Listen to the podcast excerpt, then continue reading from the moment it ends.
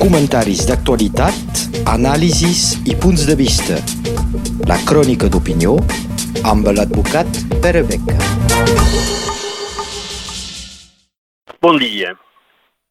Els esdeveniments aquesta setmana ens ensenyen que, malgrat el fet que els presos polítics catalans estiguin a fora, la repressió, ella, judicial, continua. Continua amb aquesta rocambolesca arrestació de Puigdemont a Sardenya, mentre anava al Congrés Adi Folca a l'Alguer i anava com diputat europeu. Per tant, la policia italiana avisada, no era cap secret que Puigdemont anés a Itàlia, la policia italiana el va eh, arrestar a l'aeroport i, i va ser detingut i traslladat a Sacer, que és eh, la seu de la Cort de, de, de Sardenya, per ser jutjat per saber si s'havia d'extradir a direcció de l'estat espanyol. Això reposa sobre d'una certa lògica jurídica.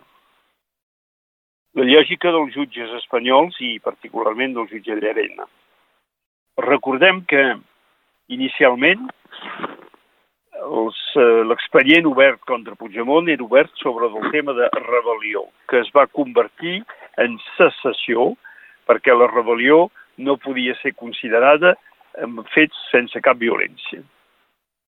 I com l'associació no existeix el dret de la majoria, sinó la totalitat dels països europeus, els euroordres que havien sigut eh, fets, posats en plaça pel jutge Llarena van quedar lletra inexecutada, però, per tant, mai formalment anul·lats.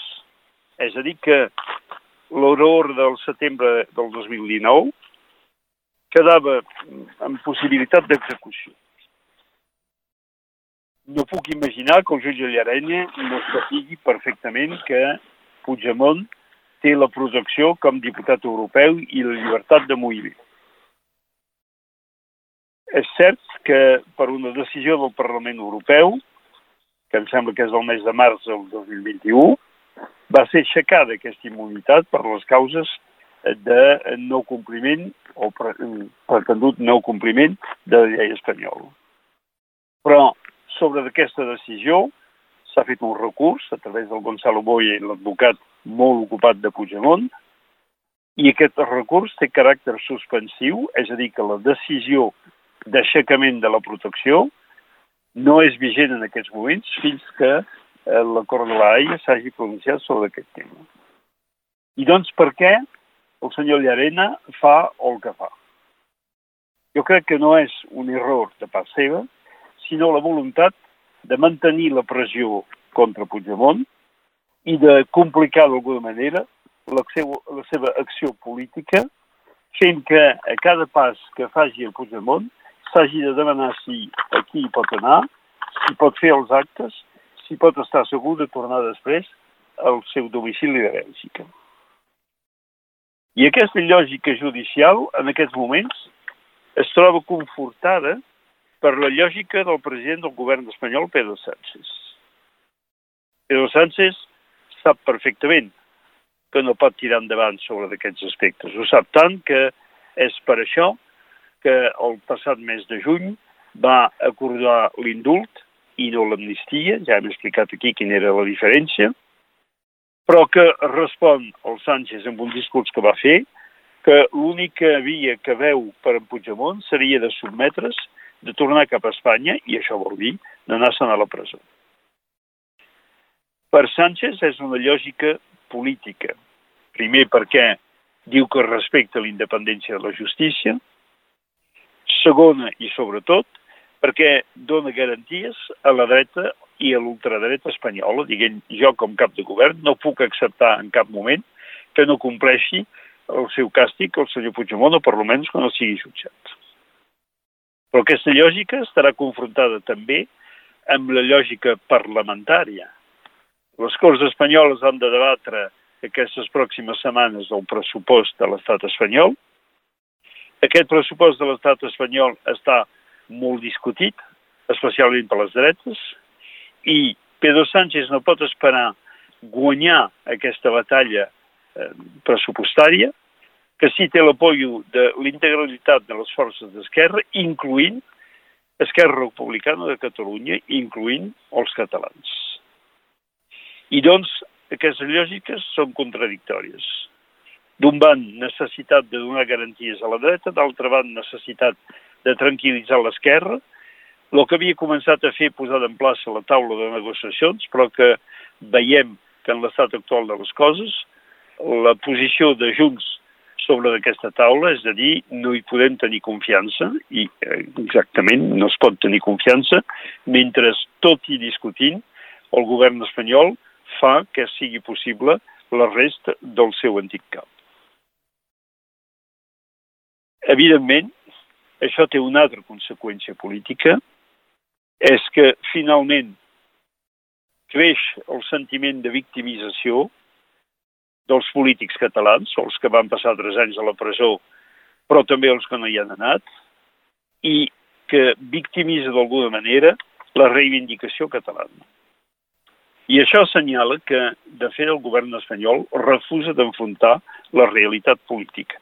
O més ben dit, refusa de tractar la qüestió catalana com un problema polític, quedant-se amagat darrere de l'aspecte judicial de les coses. La taula de negociació. Recordem que Junts, amb Quim Torra en el seu moment, hi eren en contra. Pere Aragonès, president actual de la Generalitat, hi sembla més accessible. Però amb quin camí polític? O la taula de negociació és per determinar com es farà el camí cap a la independència, en quines etapes, en quin programa, o és per discutir únicament d'una nova, un nou sistema d'autodeterminació i ja s'ha demostrat que aquest nou sistema la majoria dels catalans no el volen. El pes dels partits és molt important en aquest cas i la competència entre ERC i el Partit Socialista de Catalunya o el Parlament de Catalunya, però també la necessitat per Pedro Sánchez d'unificar totes les forces d'esquerra a les Corts a Espanya, fa que aquest equilibri és molt difícil mantenir.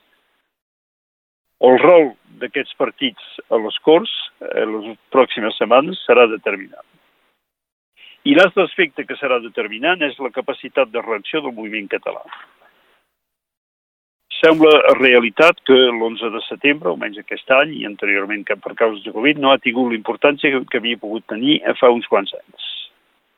Però es manté, no desapareix i la multiplicació d'actes a tot eh, el territori català, especialment a Catalunya del Nord, però també a tota Europa, a l'Alguer i als països d'Europa. Recordem que la setmana passada Puigdemont va venir amb una recepció al Parlament francès, recepció de caràcter limitada, no visita d'estat, però per tant, recepció que no havia tingut lloc en cap moment. És a dir, que la feina que està intentant Puigdemont i els seus amics a l'exili, d'internacionalitzar el cas per mirar que la gent tingui una comprensió més real, més gran del fenomen català, i per això últimament inclús el, diari El Monde de l'estat francès va fer aparèixer una crònica en aquest cas, és que aquest moviment no vagi a l'oblit, aquest moviment apareixi com un, moviment vigent, en força, i és en aquest aspecte que nosaltres a Catalunya del Nord, tots plegats, podem ser una de les bases enrere d'aquesta acció. El que passarà aquests pròxims dies, i especialment a l'1 d'octubre, pot ser determinant en aquest aspecte. Moltes gràcies. Comentaris d'actualitat, anàlisis i punts de vista. La crònica d'opinió amb l'advocat Pere Beca.